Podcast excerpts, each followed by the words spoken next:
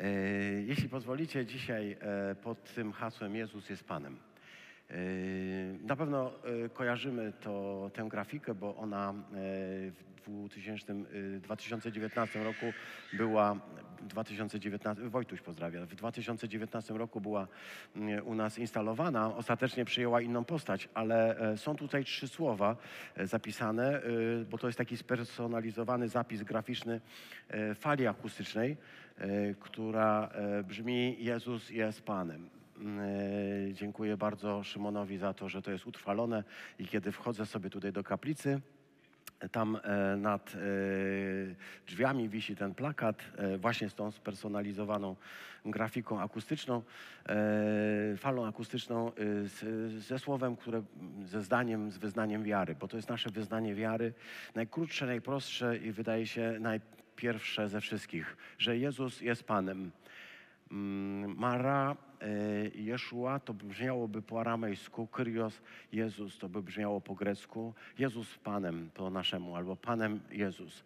E, To e, właśnie ta fala e, zapisana w ten sposób jest nad naszymi drzwiami wejściowymi. Chcę, żebyście pamiętali o tym, że wchodząc tutaj, tak właściwie jest, gdzieś ciągle brzmi to słowo, które dla nas jest tak cenne, tak ważne. A ja bym poprosił, żebyście przeczytali razem ze mną fragment z pierwszego listu do Koryntian z 12 rozdziału, drugi, trzeci wiersz. Wiecie, że gdy byliście jeszcze poganami, do niemych bożków was prowadziło i daliście się prowadzić. Dlatego też oznajmiam wam, że nikt w duchu Bożym nie może powiedzieć, niech Jezus będzie przeklęty, tak samo jak nikt nie może powiedzieć, Jezus jest Panem, jeśli nie w duchu świętym. Amen. Dziękujemy Ci, Panie Boże, za to, że dałeś nam dzisiaj Twoje słowo w dniu, w którym możemy świętować to szczególne wydarzenie, kiedy to słowo zajaśniało nad światem i to imię stało się imieniem ponad wszelkie imię. Dzisiaj chcemy je uwielbić i dzisiaj prosimy Cię, Panie, uwielbij je w nas. Niech uwielbi się imię Twoje. To jest też życzenie naszego Pana. Niech się uwielbi, Ojcze, imię Twoje pośrodku nas. Amen. 12 rozdział listu do Koryntian to jeden z tych rozdziałów, które jako świątkowcy dobrze znamy, bo to jest ten taki tryptyk 12, 13, 14 rozdział e, drugie, pierwszego listu do Koryntian, gdzie szczególnie dużo mowy jest e, o darach duchowych.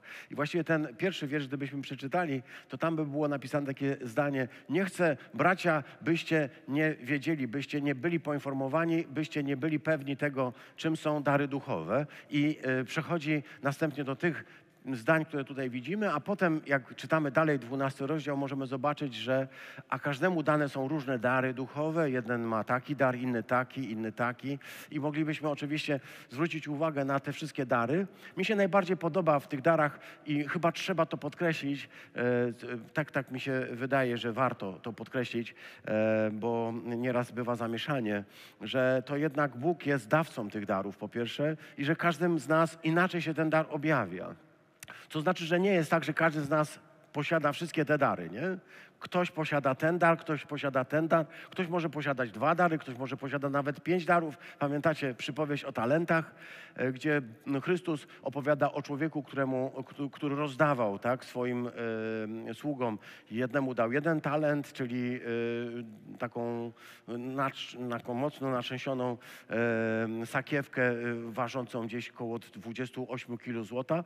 Komuś in, innemu dał dwa takie talenty, komuś innemu dał pięć takich talentów. To Bóg jest dawcą tych różnych darów, a my e, nie występujemy tutaj jako specjaliści od tego, że możemy wszystko robić, tylko raczej przyjmujemy dary i je po prostu też pielęgnujemy. Z tego powodu E, Jeśli Bóg komuś daje dary, e, to my też nie będziemy mówić, że komuś te dary się nie należą. Jeśli jakaś kobieta ma jakieś obdarowanie szczególne, to nie powiemy jej, że w naszej kulturze nie może tym obdarowaniem usługiwać, ponieważ Pan Bóg się pomylił.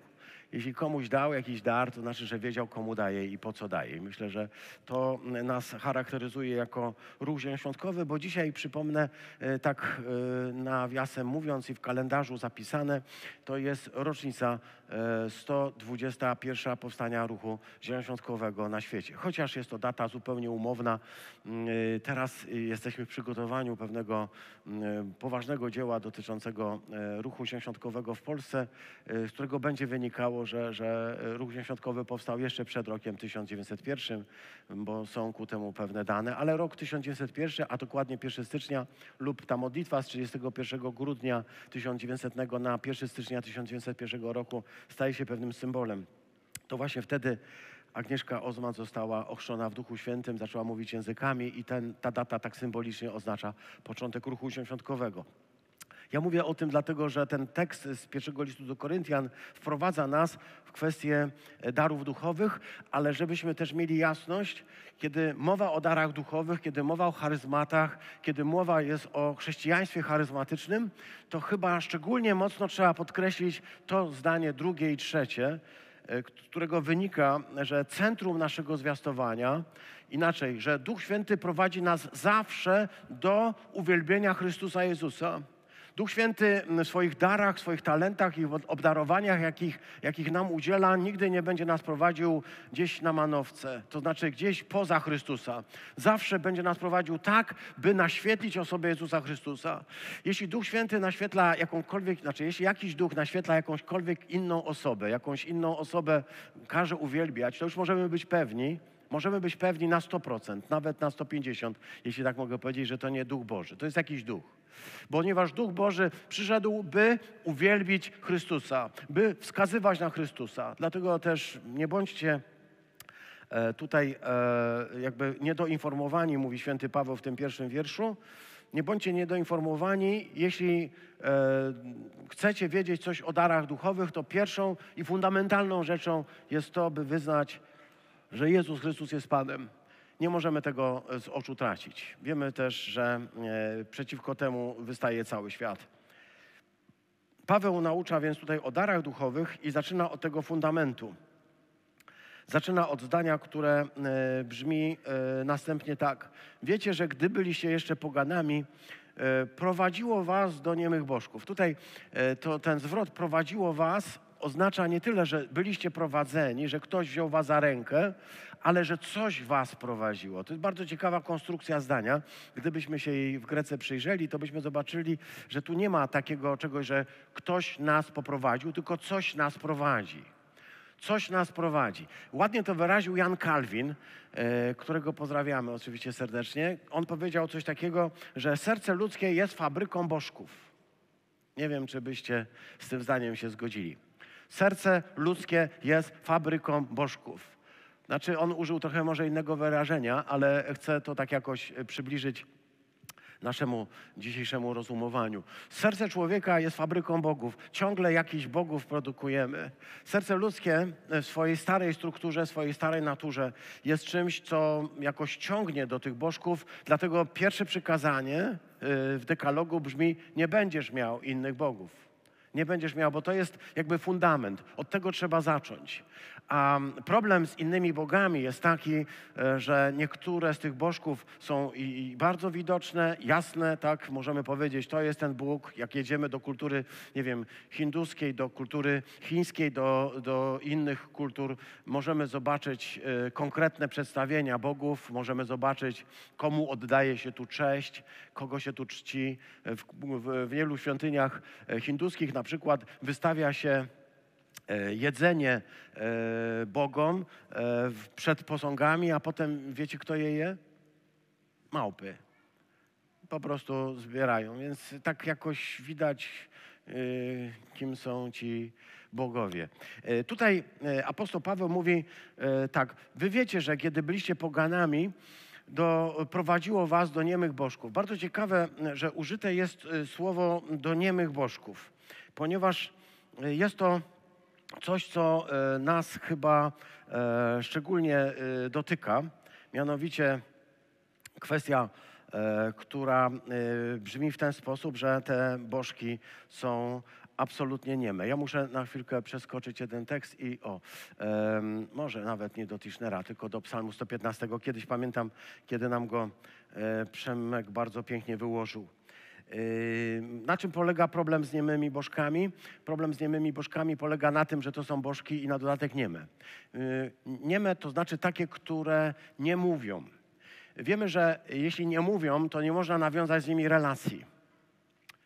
I tutaj jest istota, do której Paweł nas chce pokierować w tym tekście, bo chce nam powiedzieć, że Bóg różni się od bożków tym, że bożki są nieme, niezdolne do komunikacji, to znaczy niezdolne do relacji, niezdolne do wchodzenia z nimi w jakikolwiek e, układ. Możemy im tylko służyć, możemy je nosić, możemy je czcić, ale one nie przemawiają, one nie mówią. One mają usta, ale nie mówią. Tak ten psalm pięknie powie. Są zrobione e, ze złota, mogą być zrobione ze srebra, z drewna, z kamienia, z czegokolwiek. Są dziełem rąk ludzkich. Mają usta, mówi ten psalm 115, ale nie mówią. Mają oczy, ale nie widzą. Mają uszy, ale nie słyszą. Mają nozdrza, ale nie czują zapachu. Mają ręce, mają nogi, ale nie mogą pomagać, nie mogą iść, nie mogą robić. Takie są bożki. Nie nabiera się z nimi relacji. Nie komunikują. Nie, nie są zdolne do tego. I to jest ich cecha charakterystyczna, ale jest jeszcze coś, co psalmista bardzo mocno podkreśla i co podkreśla dzisiejsza psychologia. To, czemu służysz, do tego się stajesz podobny. Komu służysz, do tego się stajesz podobny. Jesteś podobny do swoich bożków, jeśli e, je, je, jakoś im służysz. Stajesz się do nich podobny. Ktoś kiedyś powiedział, że właściciel upodabnia się do swojego psa. Nie wiem, czy to prawda. Nie mam psa, nie wiem ale widziałem wiele zdjęć, gdzie nie można było odróżnić y, właściciela od psa. Więc oni, coś, tam, coś tam takiego jest. I to nie pies się upodabnia do właściciela, ale właśnie właściciel się upodabnia do psa. To jest y, y, jakby tak obrazowo i trochę prześmiewczo, za co przepraszam oczywiście wszystkich y, miłośników psów i właścicieli czworonogów. Chcę powiedzieć, no nie, nie, nie, na pewno nie jest nic, nic takiego zdrożnego, ale to, co mówi tutaj psalmista, powie dokładnie tak. Powie na koniec to zdanie, które będzie brzmiało ni mniej, ni więcej, jak to, że upodobniają się, upodabniają się do y, swoich bożków czciciele. To znaczy, brakuje im komunikacji, nie mają zdolności do wchodzenia w relacje, ponieważ z kamieniem, ze skałą, z drewnem wejść w relacje nie możemy.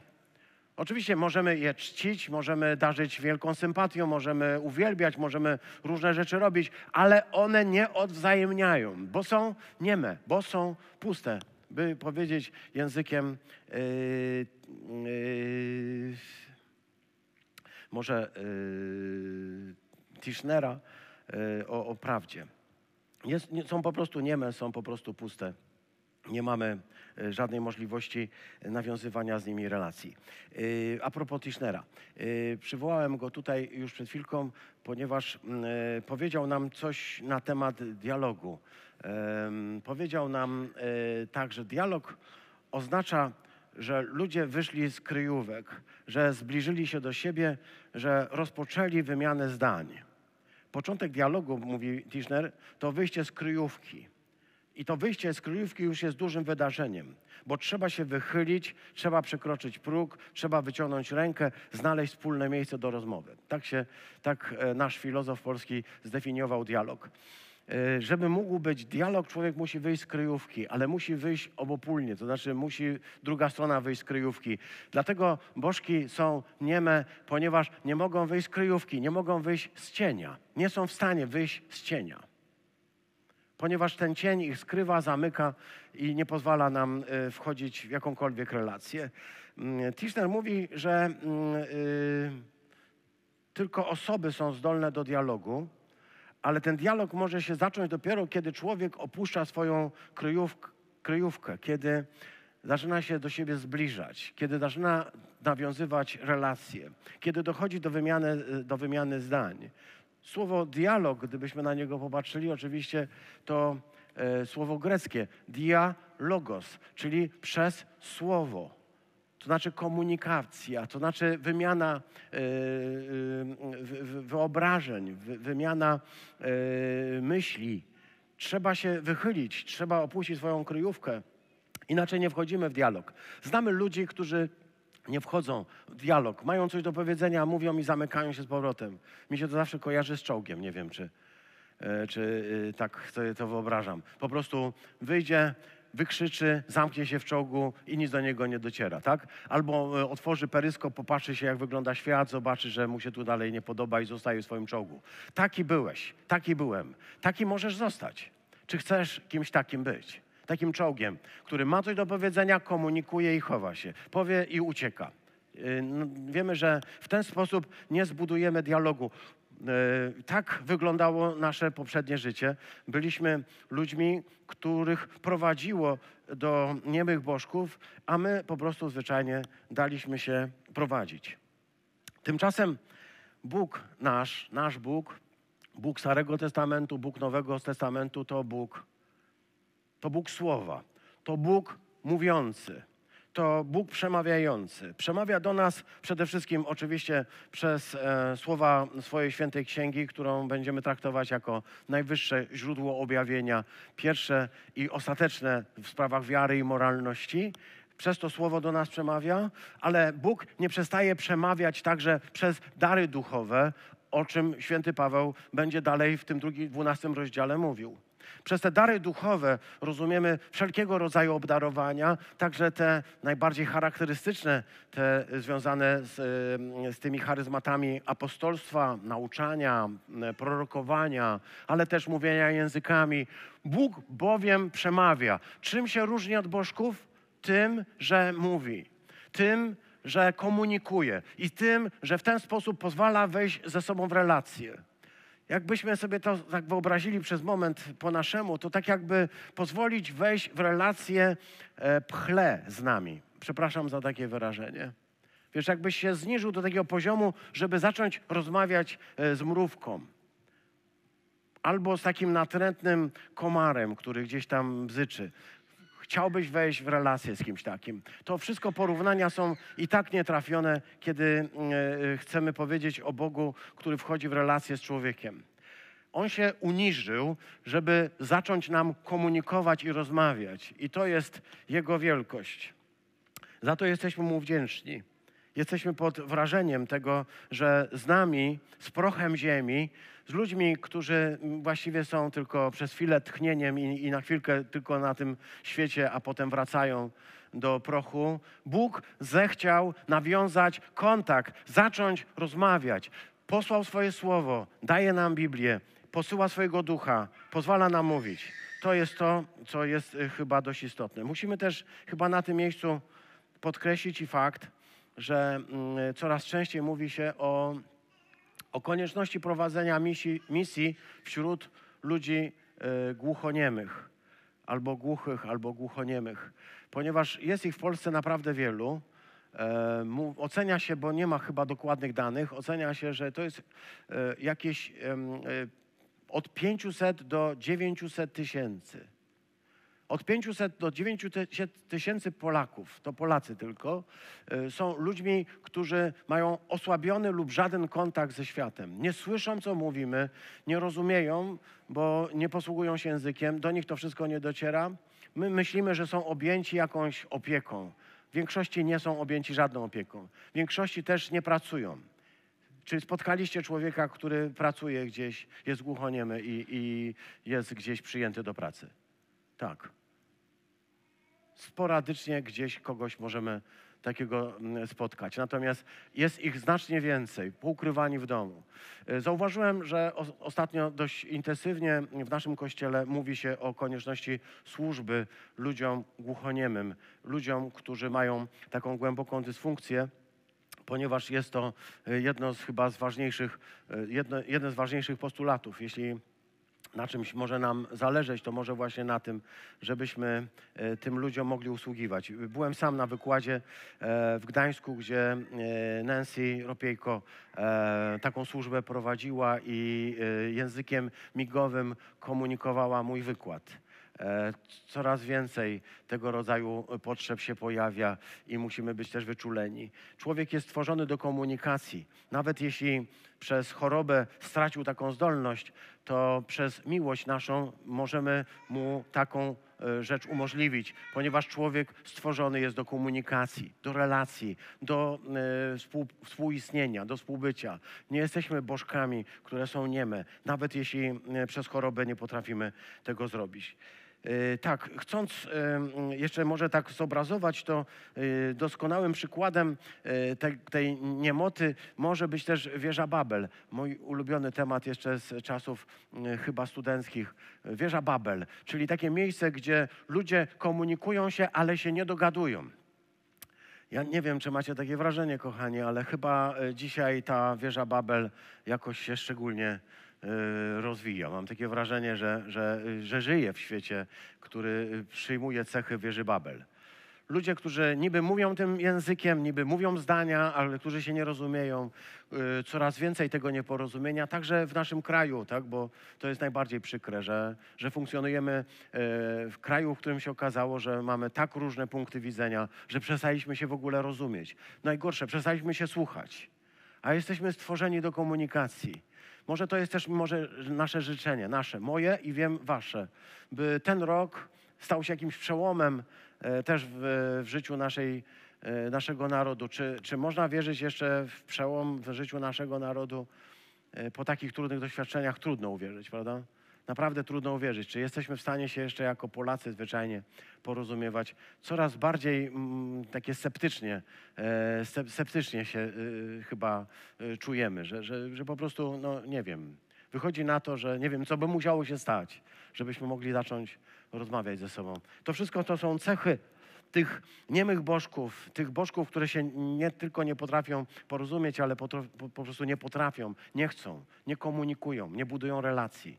Tak? To jest cecha bożków. Możemy się zapytać, dlaczego nasz naród jest tak skłócony i widzimy to na co dzień. Dlaczego nie potrafimy się porozumieć?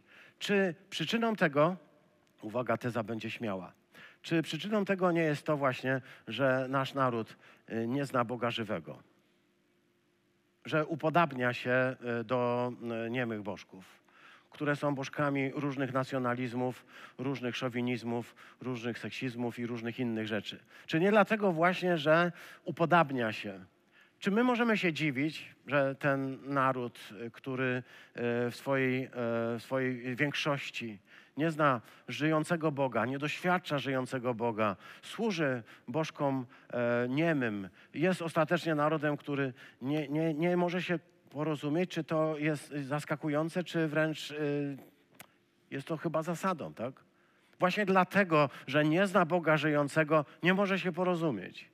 Więc jeśli byśmy sobie życzyli, żeby ten naród, żeby nasz naród, żebyśmy my jako Polacy y, na tych y, politycznych forach i nie tylko mogli się porozumieć, to chyba tym życzeniem musi się stać właśnie to, żeby ten naród mógł poznać żyjącego Boga, bo tylko chyba tak może się zmienić. Choć i ten proces nie będzie prosty, y, czytamy różne wpisy, także chrześcijan widzimy, że że tutaj też jest y, wiele nieporozumień, a przecież właśnie od tych bożków y, Chrystus nas wyzwolił, tak? Tu jest to powiedziane mm, tak wyraźnie i wrócę do tego wątku.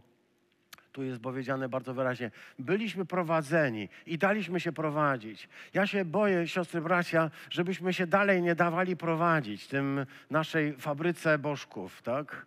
Żebyśmy również jako chrześcijanie, jako ewangeliczni chrześcijanie, jako polscy chrześcijanie nie dawali się dalej prowadzić tym y, fatalnym bożkom, które są nieme i prowadzą do czego? Prowadzą do, do pustki, do nienawiści. Tak? To są te wszystkie doświadczenia, które doskonale znamy. Prowadzą nas do nienawiści, ponieważ tak są skonstruowane. Znaczy, tak my je konstruujemy, bo wiemy, że ich nie ma. To my wkładamy w nich te nasze przekonania i wyobrażenia.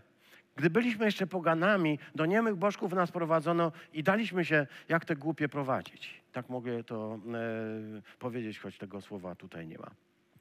I y, dlatego też y, święty Paweł zrobi krok dalej i powie: Dlatego oznajmiam wam, że nikt w duchu Bożym nie może powiedzieć, niech Jezus będzie przeklęty. Y, I tutaj jest użyte to słowo anatema, anatema Jezu. Anatema, czyli mm, przekleństwo y, na Jezusa. To oczywiście nikt z Ducha Bożego nie może czegoś takiego powiedzieć, wiemy o tym. Dlaczego Paweł o tym wspomina? Ja myślę, że mm, może przyczyną jest to, co tutaj czytamy, a co też wielokrotnie pojawia się w Nowym Testamencie. Wierzący w Mesjasza Jezusa głosili, że ten Jezus, którego Bóg posłał jako Mesjasza na, na, na świat, ten narodzony Betlejem, ten wychowany w Nazarecie, ten, który ogłosił dobrą nowinę wszystkim ludziom, który uzdrawiał chorych, który czynił samo dobro, który wskrzeszał umarłych, ten Jezus został odrzucony jako Mesjasz, ponieważ nie spełniał wyobrażeń Mesjasza przez swój naród i został ukrzyżowany rękoma pogan, ale na życzenie przywódców żydowskich został ukrzyżowany. I tutaj e, wchodzi ten tekst z Księgi Powtórzonego Prawa. Wszyscy go znamy. E, to jest straszny tekst, który mówi o tym, że jeśli ktoś popełni grzech, 21 rozdział, 22, 23 wiersz. E, pociągający za sobą wyrok śmierci i poniesie śmierć, to go powiesisz na drzewie. Ale nie mogą jego zwłoki pozostawać na drzewie przez noc. Mają być pochowane tego samego dnia, gdyż przeklęty przez Boga jest ten, który wisi na drzewie. Nie kalaj więc ziemi, którą Bóg dał ci w dziedziczne posiadanie twoje. Przeklęty jest ten, który wisi na drzewie. Czy ten tekst, y, który tutaj czytamy u y, świętego y, Pawła, że mm, każdy, kto, kogo Duch Boże prowadzi, nie może mówić, że przeklęty jest ten, który wisi na drzewie za nasze grzechy. Przeklęty jest Jezus Chrystus. Wydaje się, że mm, Paweł miał do czynienia e, w Koryncie z jakąś opozycją, która wywodziła się z synagogi, a która posługiwała się tym tekstem, który tutaj widzimy, by powiedzieć, że Jezus nie może być Mesjaszem, ponieważ został zawieszony na drzewie, a przeklęty każdy, kto jest zawieszony na drzewie. W związku z tym, ergo Jezus jest przeklęty. Tak? Ta logika niekoniecznie musiała być znana poganom, ale dobrze była znana e, świat, e, przez świat judaizmu. Więc może do tego odwołuje się święty Paweł. To jest bardzo trudne, e, również dlatego, siostry bracia, że e, tutaj posługuje się e, tekst, ten, ten tekst, czy ten sposób myślenia posługuje się cytatem biblijnym. Wiemy, że posługiwanie się cytatami biblijnymi nie stanowi gwarancji, że człowiek ma poukładane w głowie. E, doskonale wiemy, że diabeł też się posługuje cytatami biblijnymi. Przyszedł do Jezusa z cytatem biblijnym i powiedział e, do niego: e, Jeśli jesteś synem Bożym, tak, możesz zrobić to, możesz zrobić tamto. Jeśli jesteś synem Bożym, to także możesz rzucić się w przepaść, bo napisane jest w Psalmie 91, że aniołowie Boży będą e, nosić Ciebie, będą nosić tak, żebyś nie uraził o kamień swojej stopy. Przywołuję przepiękny psalm, żeby wzbudzić w Jezusie um, to pokuszenie do tego, by um, zrobić coś um, no, takiego bardzo widowiskowego i w ten sposób zwrócić uwagę. Wiemy, że diabeł może się posługiwać Pismem Świętym. I wiemy, że e, ten tekst, który tutaj e, przed nami z Księgi Powtórzonego Prawa, on mówi o tym, że jeśli ktoś popełni grzech, został zabity i został powieszony na drzewie, taki człowiek jest, e, znajduje się pod przekleństwem. Ale wiemy jedną rzecz, że Jezus nie popełnił żadnego grzechu, za który miałby zostać skazany, że został skazany niesłusznie, jest skazany niesprawiedliwie. Na niego w związku z tym nie spada e, przekleństwo. Przekleństwo spada raczej na tych, którzy byli fałszywymi świadkami i którzy fałszywie świadczyli, którzy mówili rzeczy, które są nieprawdziwe o Jezusie Chrystusie, którzy zmyślali i zmyślają, żeby uznawać, że On jest naprawdę winny. Jezus był niewinny. Ogłaszamy to od dwóch tysięcy lat. Nie został zabity naprawdę za grzechy. Nie uzurpował sobie prawa do tego, żeby być królem Izraela. Jezus był niewinny, był barankiem Bożym. Dlatego ten tekst stanowi jednak troszkę inaczej. Stanowi o tym, że to my jesteśmy winni, ponieważ my zaciągamy ten dług i to my powinniśmy tam wisieć. Muszę powiedzieć, że w roku 2022 wkraczam w 40-lecie swojego bycia z Chrystusem. W roku 1982 oddałem życie Chrystusowi. I wiem, że to właśnie to wydarzenie e, pod krzyżem i ta myśl, którą teraz e, przekazuję, była tą, która doprowadziła mnie do zbawienia. Myśl, która mówiła tak, to nie, może to nie była myśl, może to był głos, który przemawiał do mnie, to Ty powinieneś tam wisieć, nie Chrystus to ty popełniłeś wszystkie przestępstwa i zawiniłeś i złamałeś przykazania, nie on. Jeśli on umarł i zawisł, to zrobił to za ciebie, więc oddaj mu życie. Stań się jego niewolnikiem, zostań jego sługą, ponieważ on uratował ci życie, jesteś jego dłużnikiem. To był głos, który do mnie dotarł tak wyraźnie, że padłem na kolana i płakałem jak dziecko. I dziękowałem Bogu za to, że powinienem tam wisieć, ale nie wisiałem. Powinienem być tym, który jest przeklęty, ale nie byłem. On ze mnie zdjął to przekleństwo i uratował mnie. I to jest dla mnie y, coś, co jest żywe, pomimo że upłynęło od tamtego czasu już blisko 40 lat, bo to gdzieś w maju upłynie. Mogła więc ta anatema dotyczyć Żydów, którzy odrzucali Jezusa jako Mesjasza i posługiwali się Pismem Świętym, jakimś cytatem, by e, e, uargumentować e, swoją, swoją myśl, ale mogła to być również, nie wiem, myśl jakichś pogan, którzy uważali, że ten Jezus to jest po prostu bezbożnik, który został zgładzony. Jakkolwiek by nie traktować, wiemy, że Duch Boży, kiedy prowadzi człowieka, to prowadzi go do wyznania, że ten Jezus, który został zawieszony na drzewie krzyża niesłusznie i niesprawiedliwie, jest tym, który okazał się naszym Panem. Bardzo ładnie i bardzo mocno powie to jeszcze e, Paweł w liście do Rzymian, w tym centralnym tekście, myślę, który doskonale znamy. E, mówi tam o głoszeniu Ewangelii i mówi też tak, co powiada Pismo. Pismo powiada, że blisko Ciebie jest Słowo że to słowo wiary, które głosimy, jest blisko Twojego serca. My byśmy powiedzieli nawet bliżej Ciebie, bliżej mnie niż ja sam sobie, tak? W tym sensie. Bo jeśli mówi Paweł, ustami swoimi wyznasz, że Jezus jest Panem i uwierzysz w swoim sercu, że Bóg go wzbudził z martwych, będziesz zbawiony. Albowiem sercem wierzę się ku usprawiedliwieniu, a ustami wyznaje się ku zbawieniu. A Pismo powiada, że każdy, kto w Niego wierzy, nie zostanie zawstydzony na wieki. Nie zostanie zawstydzony na wieki. Siostry, bracia, e, jesteśmy e, u źródła naszego zbawienia. Słowo Boże powiada, że nikt, kto Jemu zaufa, nie dozna wstydu. Nie zawiedzie się. Nie będzie musiał pod koniec życia powiedzieć, że coś mu nie wyszło. Dlatego chyba takim ważnym przesłaniem jest to, by w trudnych sytuacjach kiedy potrzebujemy ratunku, bo tutaj jest tak powiedziane, jeśli potrzebujesz ratunku, to nie chodzi tylko o jakieś wielkie zbawienie, które, pod którym mogą być ukryte, wiesz, wszystkie te e, sprawy e, e, eschatologiczne, cała przyszłość. Chodzi o konkretny ratunek w, konkretnym, w konkretnej sytuacji. Nabieram takiego zwyczaju od, od, lat, że w trudnych sytuacjach po prostu taką krótką modlitwą się modlę. Jezus Chrystus jest Panem w trudnych sytuacjach, kiedy przychodzi jakaś bardzo trudna okoliczność, chcę powiedzieć, że Jezus Chrystus jest moim Panem. Dlaczego to jest takie ważne? Bo każdy może powiedzieć, że Jezus jest Panem. Niektórzy nawet tak ewangelizują, mówią, powiedz tylko, że Jezus jest Panem i wszystko już jest załatwione. No nie jest załatwione, tak? Bo tu nie o same słowa chodzi. Tu jest powiedziane też, musisz y, dokonać pewnego rozrachunku, musisz uwierzyć w to, co Bóg zrobił, musisz uwierzyć w to, jak Bóg potraktował swojego syna dla ciebie i za, dla twojego zbawienia. Musisz uwierzyć w to, że Jezus umarł za twoje grzechy i musisz uwierzyć w to, że powstał z martwych dla twojego zbawienia. I to jest e, sednem. Ale potem z tej jakby przepełnienia serca zaczynają wysławiać też usta i mówić Jezus jest Panem. Więc to nie chodzi tylko o to, że każdy może powiedzieć, Jezus jest Panem. To nie jest magia, tak? Tak posługują się e, różnego, różnego typu magicy, różnego typu e, zwolennicy tej czy innej formy magii.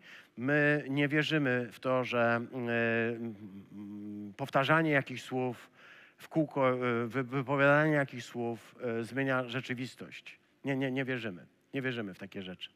Głosimy, że fundamentem jest wiara. Wiara. I z tej wiary płyną słowa. Ale chcemy też powiedzieć, że to są bardzo e, ważne słowa, o których tutaj czytamy, ponieważ one oznaczają, że e, człowiekowi, który znajduje się w, e, w trudnej sytuacji, bardzo trudno jest, jeśli jesteś naprawdę w jakichś dramatycznych okolicznościach, bardzo trudno jest często powiedzieć, że Jezus jest Panem właśnie w tych trudnych okolicznościach. Tylko ci, którzy mają Ducha Bożego, są w stanie powiedzieć i są w stanie w pokoju wyznać, że Jezus jest Panem. Wyobraź sobie, e, jak byli traktowani pierwsi chrześcijanie. Wyobraź sobie, że byli rzucani na arenę, pożerani przez dzikie zwierzęta i Bóg ich nie ratował. I nie działo się, że nagle myk i poszedł do nieba, nagle myk i lew padł, nagle myk i już ogień zgasł. Nie, oni byli mordowani. Znajdowali się w najtrudniejszym momencie swojego życia. Ale wiedzieli, że w tym najtrudniejszym momencie ich życia Jezus jest Panem i wciąż trzyma w ręku e, wszystkie nici ich życia. I chciałbym, żebyśmy e, czcząc dzisiaj naszego Pana Jezusa Chrystusa, uczcili Go właśnie w ten sposób, żeby powiedzieć, Panie, bez względu na to, w jakich okolicznościach się znajduję, cokolwiek się ze mną dzieje, bez względu na to, jak wielka burza jest wokół mnie, ja chcę znaleźć się w tym doskonałym oku cyklonu Twojej miłości. Takim, w którym panuje pokój, i cisza. Tego najbardziej potrzebuję. Świat chce mi to zburzyć i świat chce powiedzieć, jesteś tylko łupinką w tym morzu, który szaleje. A ja chcę powiedzieć nieprawda. Jezus panuje nad tym. Jezus panuje nad wszystkimi okolicznościami, Jezus panuje nad każdą sytuacją. Kiedy oddałem mu życie, to nigdy nie jest tak, że powiedział, zapomniałem o tobie. To nigdy nie jest tak, że powiedział, człowieku, y, nie wiem o czym mówisz. Y, Jezus oddałem mu życie, on jest moim Panem. Jeśli ja mu to mówię, to także wypowiadam to zdanie sobie. Jezus panuje nad każdą sytuacją w moim życiu. Żeby to móc powiedzieć, potrzeba Ducha Bożego. Potrzeba Ducha Bożego, żeby wyznać, że Jezus jest Panem w każdej sytuacji, bo przychodzą na nas takie trudne doświadczenia, kiedy myślimy sobie, Bóg o mnie zapomniał, Bóg już nie widzi, Bóg nie czuje, Bóg przestał reagować. To pokuszenie powoduje, że Trudno mi powiedzieć, że Jezus jest Panem w tej sytuacji. Ale każdy z Was, siostry, bracia, a wiem, że ten rok 2021 mógł być pod wieloma względami trudny. Dla wielu z nas był trudny. Ale jesteśmy dalej. Dlatego, że wyznałeś, że Jezus jest Panem. Bez względu na to, co się działo, bez względu na okoliczności, w jakich byłeś, nie wyparłeś się i nie powiedziałeś, już nie, więcej nie potrzebuję. Przykro jest patrzeć na człowieka, który mówi, wiesz co, zawiodłem się na Bogu i nie chcę za Nim chodzić, ponieważ nie realizuje moich um, planów. Ale dlaczego w takim razie modliłeś się co niedzielę z nami razem i mówiłeś, bądź wola Twoja, jako w niebie, tak i na ziemi. Bądź wola tak, jak Ty chcesz, tak i w moim życiu. Przecież nie, nie modliłeś się, niech się dzieje um, e, moja wola e, w, e, w niebie. Niech się dzieje to, co chcę Tobie, Panie. Tylko niech się dzieje to, co Ty chcesz we mnie. Tak się modliłeś. Chyba, że się modliłeś nierozumnie, chyba, że nie myślałeś o tym, co mówisz. Ale jeśli myślisz, to wiesz, że Bóg jest w każdej sytuacji Panem i w każdej sytuacji jest zdolny do tego, żeby przyjąć chwałę. Do zdolny do tego, by uwielbić. Czytaliśmy o tym wczoraj na, na tym naszym rozważaniu przy y, okoliczności y, tej naszej modlitwy y, sylwestrowo-noworocznej, gdzie Jezus się modlił i mówił, chciałbym uniknąć tej śmierci krzyżowej, ale po to przyszedłem. Dlatego co mogę powiedzieć? Chcę powiedzieć jedno. Niechaj uwielbi się imię Twoje Boże we mnie. Niechaj uwielbi się Twoje imię we mnie. To jest ten, ten y, krok. Mówi tak pięknie też i Psalm 138. Oddaję pokłon przybytkowi Twemu świętemu i wysławiam imię Twoje za łaskę i za wierność Twoje, bo nad wszystko, nade wszystko wywyższyłeś swoje imię i nade wszystko wywyższyłeś swoje słowo. Jeremiasz będzie mówił tak. E, są ludzie, którzy krzyczą świątynia pańska, świątynia pańska, świątynia pańska, myśląc, że to jakieś zaklęcie. Są ludzie, którzy myślą, że jak będą krzyczeć Jezus Chrystus jest Panem, to to im coś pomoże. Tak jak nie pomoże okrzyczenie, że świątynia pańska jest źródłem ich ratunku, bo nie jest, tak samo słowo też nie daje nam gwarancji. Jeśli za tym słowem nie idzie wiara, jeśli wiara nie poprzedza tego słowa, jeśli wiara nie poprzedza tego słowa i jeśli za nim nie kroczy, Dlatego my chcemy powiedzieć, że Ty wywyższyłeś ponad wszystko swoje imię i swoje słowo. Dlatego jeśli Bóg wywyższył ponad wszystko swoje imię i swoje słowo, to chcę Was, siostry, bracia, zapytać, co my mamy do roboty? Dołączmy się do Boga. Wywyższajmy Jego imię, wywyższajmy Jego słowo, wywyższajmy Jezusa Chrystusa. Kto czci Syna, czci Ojca, powiedział Jezus Chrystus. Każdy, kto uczci Syna, uczci Ojca. Jest to takie również bardzo e, psychologiczne. Powiem to w obecności mojego syna pierworodnego i drugorodnego i mojej córki. Powiem wam, że jeśli ktoś ich chwali, jeśli ktoś mówi o moim synu dobrze, ktoś mówi o moim synu, że jest fantastycznym facetem, to powiem wam, żaden komplement, który może powiedzieć o mnie, nigdy mnie tak nie zbuduje, jak to, że ktoś mówi dobrze o moim synu. Czy tak jest z twoimi dziećmi? Jeśli ktoś chwali Twoje dzieci, to jesteś najbardziej dumnym człowiekiem na świecie. Może Ci powiedzieć, że jesteś fajną osobą, miło Ci, że może coś tam Ci się udało, fajnie. Ale jeśli ktoś chwali Twoje dzieci, to jest też sposób.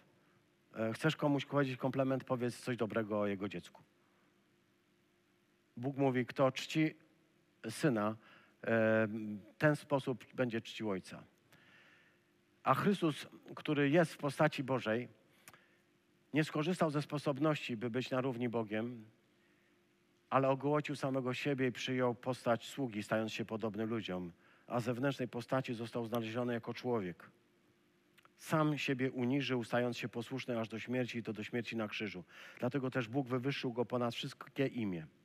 Podarował mu imię, które jest ponad wszelkie imię, aby na imię Jezusa zgięło, zgięło się na zgięło się każde kolano istot niebiańskich, ziemskich, podziemnych i aby każdy język wyznał, że Jezus Chrystus jest Panem ku chwale Boga Ojca. Amen.